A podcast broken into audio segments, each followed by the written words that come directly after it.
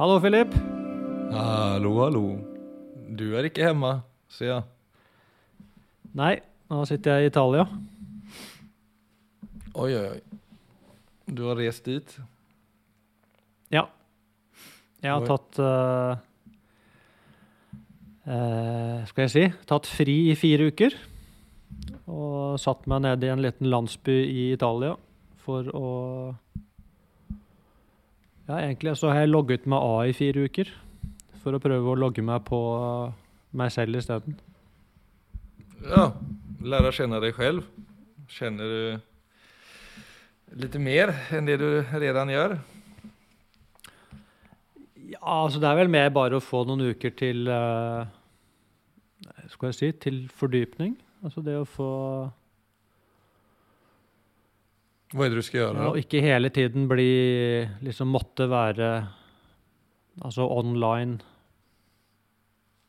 Så det å kunne At alt får lov til å roe seg ned og til å Ja, det er tid til både å meditere, til å reflektere, til å lese, til å skrive litt.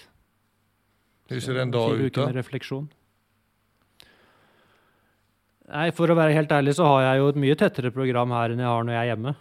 Men alle aktivitetene er jo mer sånne refleksjonsaktiviteter. Så det er tidlig opp å starte dagen med yoga og meditasjon. Og så er det litt sånn uh, lesing og skriving på dagtid, og så avslutter jeg igjen med litt rolig yoga og meditasjon før jeg legger meg. Hmm. Og er- var, altså, var i Italia skjer dette? Jeg sitter i en uh, liten middelalderlandsby som heter Villa Feraldi, som ligger uh, ja, på Rivieraen, den italienske Rivieraen, men sånn litt opp. Så er det et kvarter fra, fra Middelhavet, liksom opp i olivenlundene og litt opp mot Piemonte egentlig, og så opp mot fjellene.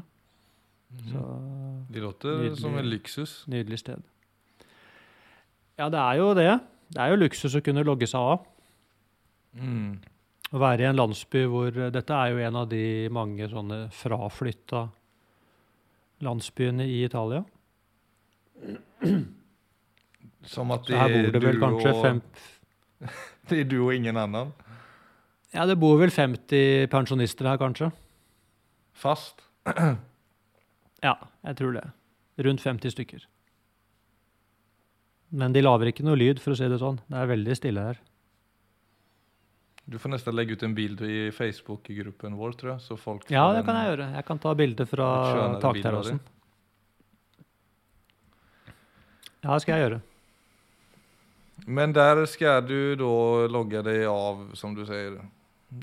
Og du skal gjøre ting, da.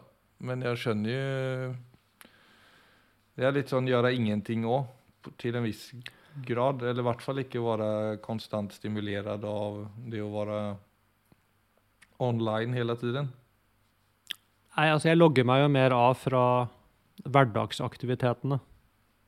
Og så logger jeg meg vel mer på refleksjonsaktiviteter. Så, så du kan si Det er ikke at ikke gjør noen ting, men alle tingene jeg gjør, er aktiviteter som Skal vi si kanskje kommer fra stillhet mer. Og ikke fra Ikke fra sånn hesblesende aktivitet. Nej, men det tenkte jeg på, det der med å være, sån, alltså, att vara stimulerad. For jeg tenkte det, så jeg, jeg leste i förrgår at det er vanlig i dag at ungdommer og liksom litt äldre barn tillbringar sånn 7 til 13 timmar på sine smartphones. At det er en på et generelt plan, og da er det ikke Altså TV og den type ting kommer på toppen av det, da. Ja, ja. Og at det Og det, altså Jeg bare tenkte på det, for nå når du sier det, at det må da være til den graden Det kan godt være at deres hjerner anpasser seg til det bedre enn f.eks. de som ikke har vokst opp med det. Men det å hele tiden være underholdt eller stimulert, som vi har snakket om tidligere, men hvor, hvor også på en måte forvirrende det må være for å faktisk lære kjenne seg selv da, og hva man vil. For jeg tenker jo det du gjør nå, er jo, kan du si, det er ikke det kanskje alle har mulighet til, eller alle gjør, altså det går jo litt inn i din jobb også. Men det å da, inom parentes, ikke, altså ikke gjøre noe, og låte liksom kroppen og sinnet få kommunisere, få prosessere, men kanskje viktigst av alt, bli litt sånn lære kjenne seg selv. For det merker jeg jo, altså når jeg selv er veldig online, eller når jeg er veldig på liksom med skjerm og alt det der, at det, det skaper liksom ingen tid eller inget utrymme for å faktisk sånn komme i kontakt med hva er det jeg egentlig er på vei. Ja. Altså det er som man aldri helt toucher base. Litt, altså, jeg tenker sånn for ungdommer som samtidig skal finne en riktning i livet. Och det är jo sånt, ska du bli god, ska du lära känna en kompis eller ett annat människa så vet du att du må lära känna människet. Alltså du må tillbringa tid med personen, du må liksom komma in på personen och det samme gäller ju dig själv. Absolutt. Men hur, skal hur ska det skje när man er konstant stimulerad? Nei, det kan jo ikke skje når man er konstant stimulert. Men det er klart den muligheten som, som finnes, da, som jeg også regner med kommer til å inntreffe, det er jo at, at mange av de som vokser opp nå, kommer til å eh, altså bli tvunget til å bli kjent med seg selv, rett og slett bare for det sånn er det å være menneske. Altså litt senere, litt senere hen. Sånn at eh, Altså Det er selvfølgelig alltid den faren med at når man har blitt over 50, som jeg er, så ser man jo alltid på den generasjonen som vokser opp og sier 'herregud, hvordan skal det gå med dem', liksom. Altså Sånn tror jeg vi Sånn har det alltid vært. Ja da. Men det er jo noen ting med at når du ikke har, Når du låter deg selv å att deg lite eller sitte med deg selv eller, altså, du kjeder jo det og kjenner jo også på den oron for at du så sjelden gjør det. Det er jo på en måte konsekvensen av å hele tiden være stimulert. Og det gjør jo også at alt du vil og alt du kanskje ønsker, og så som spesielt ungdommer som skal finne en riktning at det er, det påvirker selvfølelsen så mye. då. För at du lander ikke det, det du opplever når du ikke er på er egentlig en oro. Eller, Ja. eller det er ovant da. Så du, det, går bare noen sekunder, og så er du på igjen. Absolutt. Men jeg tror hvis jeg skal sammenligne med når jeg selv altså vokste opp, så må jeg jo si at, altså, vi hadde jo ikke Vi var jo ikke på digitalt, men altså vi var jo Altså jeg og alle vennene mine, og egentlig alle som jeg vokste opp med, tror jeg vi, All oppmerksomhet var jo utenfor oss selv. Altså rettet inn i aktiviteter hvor vi altså prøvde å bli et eller annet. Altså for eh, min gruppe så var det på idrettsbanen. Så det var jo, og vi var jo også opptatt hele tiden. Selv om ikke det var med digitale ting, så var det på mange måter de samme mekanismene. Så, så vi hadde heller ikke kjangs til å bli kjent med oss selv egentlig i de åra. Det var bare andre typer aktiviteter som, eh, som tok oppmerksomheten vår. Så jeg ville tippe at det skjer det samme med den generasjonen som vokser opp nå. Altså de vil eh, Det er en fase som preges veldig av det, og så vil det komme andre faser i livet hvor man blir egentlig tvunget til tvunget til refleksjon. Så blir kanskje det at eh, Jo men, altså Sånn som det er i dag, med den Vi var jo ikke like overstimulert, for det hadde vi ikke mulighet til. Nei, for det var det jeg tenkte spørre deg där. Ja, du var i, ni var jo i aktivitet og det var jeg også. Vi hadde jo ikke heller smartphones når jeg vokste opp, Men du hadde jo hele tiden de mikropausene. Altså, du var på fotballplan, og sen så var det omklädningsrummet. Du kanskje snakket med noen, du satt litt med deg selv. Kroppen og hjernen fikk prosessere informasjonen som hadde vært der, og sen var det inn i en ny aktivitet. Men efter Ja. aktiviteternas gång så hade du ju hela tiden det där, den där stunden där, där ting fick lägga sig. Alltså f- Ja litt til lite till ro i systemet då. Men den övergången har vi på en måte hoppat litt over. Og det Ja. er der jeg kan Nei, jeg vil tenke på... at vi Nei, ta du. Nei, jeg tenker at i det Altså hver tidsepoke har jo på en måte sin ubalanse. Så det blir vel den typiske ubalansen i, i vår tid, da. Det blir denne altså konsekvensen av overstimulering. Sånn at det blir selvfølgelig mye uro og Og som vi også ser, så blir det jo mye rundt dette med For du, du lager jo mening Du bygger jo på en måte et narrativ og, og egentlig en personlighet. altså Mye av det vil jo bli bygget rundt digitale ting. Mm. Så du vil jo, det blir veldig vanskelig å finne ut altså hvem er det jeg er eh, altså når det er stille, f.eks. Men, men samtidig så er det det som også kommer til å bli deres eksistensielle utfordring. Så det blir der de også får muligheten til å bryte gjennom. da. Så, både, så i den utfordringen så ligger også muligheten.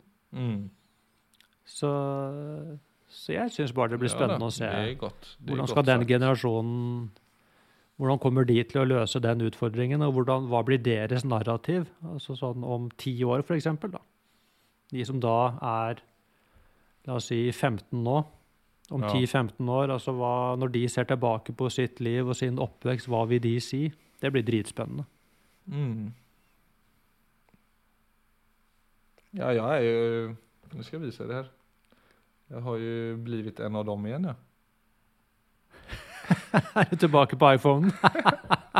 Du har logget av og jeg har logget fullstendig på igjen. Nei, jeg har jo noen som har lyssnat så har jeg haft en sånn dumbphone en period men det Nå er jeg ærlig talt litt tilbake. Eller jeg merket det når jeg, altså jeg, det stod ut skal jeg ikke si. Jag kan, det var i det men når jeg fikk tilbake iPhonen så ble jag fan med beroende fort altså. Ja. Jeg merket at jeg aldri var, Når jeg fikk den tilbake, så, aktiv har nå nog vært på telefonen. Nei, nettopp. Altså, det var som en sånn sugkopp.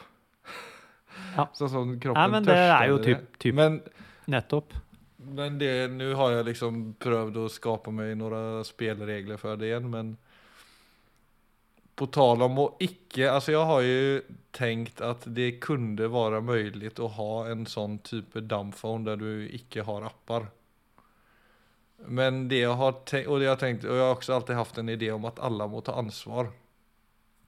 For sin egen helse og for sin egen oppmerksomhet liksom. Men det som ju faktiskt bröt, alltså det som gjorde egentligen att jag faktiskt inte kunde fortsätta med det, det var ju allt det här av allt som är uppkopplat på ett samhällsplan. Alltså meddelanden Mm. från staten, bil, alltså parkering, eh, jobb. Alltså det, är, alltså det är så mange många appar. Alltså det är sån, det är det är ikke bare mitt ansvar. Jeg blir, trots at jeg ikke vil, da, så blir jeg bombardert. Det er en overmakt som man ikke kan slå helt ut. Absolutt. Altså jeg tenker i hvert fall så vil jo kostnaden med å logge seg helt av i vår tid er jo veldig, veldig høy. Og, og, og jeg tenker man kan jo snu det rundt og si Altså en, en smarttelefon er jo et fantastisk instrument. Altså jeg syns det er helt strålende. Ja. Det er, ja, är kan, helt eh, enig om man bruker det på Ja, altså jeg kan gjøre så mye på den eh, telefonen som, er, som jeg må gjøre, som er utrolig praktisk. Hmm. Så er det noe med Men det som er mitt ansvar, det er, for det kan ingen gjøre for meg, det er å finne balanse. Det er mitt ansvar. Mhm. Og, og det er jo lettere sagt enn gjort. Men, altså, men det er klart at Jeg må jo si at Altså den måten alle disse tingene bringer Altså alle de mulighetene som ligger der, eh, er jo utrolig. Og med alle, med alle ting så er det så alltid Det er plusser og minuser med alt. Så det å finne altså hva er en god balanse for meg med disse tingene altså det, Igjen så tror jeg hver eneste tidsepoke har sin utfordring, som jeg tror psykologisk sett vil være helt lik. Den ytre manifestasjonen av det vil være helt forskjellig. I vår tid så er det rett og slett informasjon og stimulans. Men dette med å finne balansepunktet i livet sitt, det har vært en utfordring for mennesket alltid. Ja, men har det vært et så stort fokus på det da? For det er jo noe jeg ändå opplever som også litt spesielt med den tiden vi lever i. At det er et voldsomt fokus på balans. Ja, og det er jo det positive med det, kanskje. da. Det er at uh, nettopp fordi muligheten til ubalanse er så stor, så blir vi faktisk presset til å reflektere over eh, at det er noe som heter balanse. det fins faktisk. Mm. Så jeg tenker jo igjen så blir jo det et enormt, enormt spennende at det plutselig blir altså noe et, altså et samfunn eller kultur kan begynne å snakke om. At det er, for at Hvis du finner balansepunkt i den ene tingen, så vil du skjønne at det er balansepunkt i absolutt alle ting. Og da begynner vi å nærme oss noe som er altså spennende rent sånn altså eksistensielt. da. Ja, men det som er merkelig, er jo også det sånn som med iPhone da, som vi i dag alle vet er konstruerade for å bli avhengig. At man da ikke på et lederplan altså ta næringsliv, eller ta et fotballag. Da, du har en coach som dikterer spelregler. Og sen er det jo liksom spelregler som gjelder for alla. Men så som i, en, i näringslivet då, om man ska ta det som ett exempel. Så är det ju bara för, alltså det är jag vet inte om man snackar om men det är nästan förväntat att man alla bara ska liksom klara av att hantera de här digitala medierna. Ja. Som är väldigt svårorienterade. Kanske mer svårorienterade än att spela fotboll liksom. Ja, ja, ja. Og at det ikke er noen Ja, spelregler på en arbeidsplass for hvordan vi skal forholde oss til dette, Det er jo egentligen jävligt rart at det er så bak. Ja, det blir jo kanskje det neste, neste skrittet, da, som vi kanskje blir tvunget til å ta. Men, men det er klart at noe av problemet her er jo at det er så mange interesser ute og går. Så det er klart, én ting er hva vi forteller oss selv rent bevisst. En annen ting er hva vi Altså våre såkalte altså ubevisste behov, da. Så hvis du tar nå deg og din iPhone, f.eks., så sier jo ditt bevisste sinn at jeg vil ikke være på så ofte på denne, jeg vil ha balanse. Mens ditt ubevisste sinn sier åpenbart jeg vil være på veldig mye. Så med en gang du egentlig går på autopilot, så er du jo på den telefonen mer enn du i ditt bevisste sinn egentlig er interessert i. Og på en arbeidsplass er det klart at altså De fleste sier jo til hverandre nei, altså vi vil jo vi vil ta vare på de ansatte, og her er det viktig med balanse. Men ubevisst så vil man jo si jeg vil tjene så mye penger som mulig. Så det blir alltid disse konfliktene mellom sant, det vi forteller til oss selv på overflaten. Det er jo bare et polert bilde. Det er ikke det som egentlig skjer. Mm.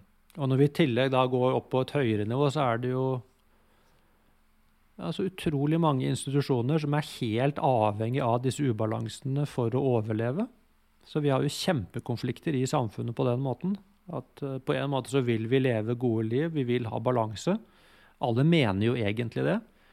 Men samtidig så har vi satt i gang så utrolig mye som gjør at vi er nødt til å eh, være på for mye. Vi eh, vil ikke få nok restitusjon. Det blir ikke nok søvn. Altså vi Ja, för det du Det- snackar, vi jag- vet om vad som är gott för oss, men så söker vi oss hela tiden mot underhållning eller bort från smärta och till något positivt. Trots att, Ja. alltså det, den, den Det korta er det som vägen. kalles eh, Det som kalles kognitiv dissonans. Altså vi Vi har mange overbevisninger, og de krasjer med hverandre. Så Det er derfor selvinnsikt er så viktig. Det er, eh, jeg må jo også bli kjent med hva det som driver meg, rent ubevisst. Jeg sier til meg selv jeg vil ha balanse. Jeg vil, eh, jeg vil ha balanse mellom eh, jobb og hvile, f.eks. Mm. Men når jeg ser på hvordan jeg faktisk oppfører meg, så ser jeg det at det er en, det er en ubalanse i livet mitt. Så uansett hvor mye jeg sier til meg selv jeg vil ha balanse, så er det ikke det jeg gjør. Og da er det jo noe med å se hvilke krefter er det som eh, opererer her. Og det er åpenbart at jeg må bli kjent med disse dypere kreftene for at det jeg forteller meg selv, nemlig jeg vil ha balanse, at det kan bli en realitet. Og da er vi på noe helt annet, for da er vi på det at alle står overfor en jobb, og den jobben er å bli kjent med seg selv. Og det å bli kjent med seg selv er eh, tidkrevende. Ja, och det där är så paradoxalt också att om vi, så som den funktionen en smartphone kan fylla då, att man, den kan ju ge en illusion av balans. Säg att du är på ett kalas eller du är i ett, eh, der det er bare irriterende eh, barn f.eks., exempel, som lagar masse uvesen, og så går du in på en, eh, en app bare for å fly den situationen. Mm. Och så tenker du at det er å liksom, ja det er en sånn shortcut inn i noe som bare liksom fjerner et obehag der og da. Så, så det, eller bare det om å, å sitte og ikke gjøre noe, og så er det mer ubehagelig enn å gå inn og kikke på en sjakkapp og spela litt. For eksempel. Ja. Så det blir det är det som er den på som du, som du sier, på, under, på underbevisst eh, plan så tror du at det er eller tror og tror da, men det er så systemet opererer, at det er liksom en sånn følelse du får da, av, å, av å balansere deg selv. Ja. Og da blir jo all balanseringen blir jo bare på et fernisnivå. Og der tror jeg det er noe av det du sa tidligere, det var dette med at, eh, at hjernen og kroppen får lov til å kommunisere. Det er nok noe av problemet. Altså, det blir aldri den at man uh, setter seg ordentlig ned og faktisk bare altså virkelig kjenner etter. altså sånn, hvordan, ha, hvordan er det i kroppen min akkurat nå? Hva er det som skjer i sinnet? Hva er det som skjer i kroppen? Og det at alt det som vibrerer og holder på, at det, at det faktisk får plass til å legge seg. Altså litt på samme nivå som hvis uh, hvis du bare tar et glass Farris og rører rundt det, så blir det jo helt, uh, så blir vannet veldig grumsete. Mm. Mens hvis du bare lar uh, glasset stå i kanskje ti minutter, så blir det helt klart. Fordi at alle disse saltene som ligger er i vannet, de får lov til å falle til bunns. Mm. Så er det noe av det samme med, med kroppen. Det at det innimellom ikke skjer noen ting, for da får alle, alle sedimentene de får da anledning til å ah. Og det er klart, det er veldig godt for oss.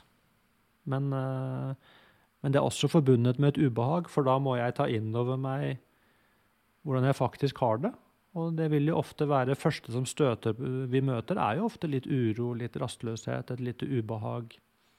Jeg kjeder meg litt, jeg vil gjerne bli underholdt. Altså det er disse kjappe impulsene. Mm. Og de må få lov til å si ah, ja, nå er det sånn. Altså, åh. Det er jo en veldig liten ting, men samtidig en ganske stor ting. Hvis jeg kan få lov, bare den lille tingen kan få, lov, kan få lov til å få rom i et liv, så får man i hvert fall uh, altså noe med som vi sier touch base Mm. en gang iblant. Ja, men du eh, er jo tydligen god på touch base der du sitter i Italien nu, Viggo. Er du ikke det? Jo, det er jo, dette er jo fire uker med Touching the altså base. virkelig Altså virkelig landet. Men, men det er også da noe med Det gir jo også da en anledning til eh, Jeg må si til refleksjon, da. Så én ting er Du kan si sånn Bare det å få pusta ut innimellom, det gir meg anledning til å lande litt. Og så tror jeg hvis du hvis du undersøker det når du har landet, så tror jeg du vil se at du har andre typer tanker. Og det jeg prøver å gjøre nå, er egentlig bare ta å vie det ut, sånn at jeg kan få, få anledning til å være i et refleksjonsrom over litt tid. Så det er eh, På den måten så blir det jo en enorm luksus. Altså til å ja, virkelig Altså det å virkelig sjekke inn med Ja, de såkalt store spørsmåla. Det er jo det. Altså sånn, Hva hvem er jeg, altså hvordan lever jeg? Ja, ikke sant. Gjør jeg Lever jeg på den måten som jeg skal? Altså det er noe med sånn i hverdagen så så er det jo ikke anledning til at de spørsmålene får lov til å falle helt inn. Mm. Du får huske Så- å skikke en bild derifra nå, da. Eller Nei, det, eh, Filip. lägg på Facebook-siden. Det er sikkert noen som syns det Jeg har jo selv sett bild. Jeg har jo faktisk vært der òg. En gang i den landsbyen. Ja. Det er jo som å havne 300 år tilbake i tiden. Ja, sikkert mer. Ja. Ja. Det var bare sånn Men da Något i den stilen, men det er jo absolutt eh, Det er, det er bildvänlig sted, det er det. Ja. Så det fortjener en bild. Nei, men da kan jeg gjøre det før jeg Nå har jo egentlig jeg bestemt meg for å logge av. Så det var ikke akkurat det å gå på Facebook og fortelle om det var Planen? Men siden jeg Jeg ikke Siden jeg har jeg skal sagt det, skal jeg-. Nei, men jeg kan gjøre det med en gang, jeg. Så det er egentlig så det å snakke med deg en gang i uken her, det er vel det eneste egentlig jeg skal gjøre av sånne aktiviteter som egentlig tilhører eh, hjemme. Kontakt med omverdenen? Ja. Ja. Det er bra at jeg kan være en li livline inn i, inn i det virkelige. Ja da, det går jo eh, Altså, dette går jo litt inn i det jeg sitter her og gjør allikevel. Det er jo det å prøve å ha et refleksjonsrom. Det er jo det, det, er jo det vi prøver på. Ja da. Og det er jo Jeg mener, det du driver med, det handler jo for at du skal kunne snakke om å bli kjent med seg selv, så er det jo fint at du gjør vissa moves i livet som gjør at du kan hjelpe andre på vägen. Eller inspirere andre på Ja. vägen skulle jeg hellre si. Ja, For uh, Nei, men det er, uh, det er fint. Jeg tenkte egentlig Altså at vi skulle gå inn nå i uh, Starte neste gang, altså med å undersøke dette med psykologisk fleksibilitet. Og gå litt ordentlig inn i eh, altså seks kjerneprosesser mm. som til sammen lager det vi kan kalle psykologisk fleksibilitet. Interessant. Så ja, Låt oss så da på det. har eh, Ja. Så jeg tror vi har noen episoder framover. Så da tar vi fatt i det neste gang. Good, good. Då eh, får vi takke for i idag och tack för att ni lyssnade.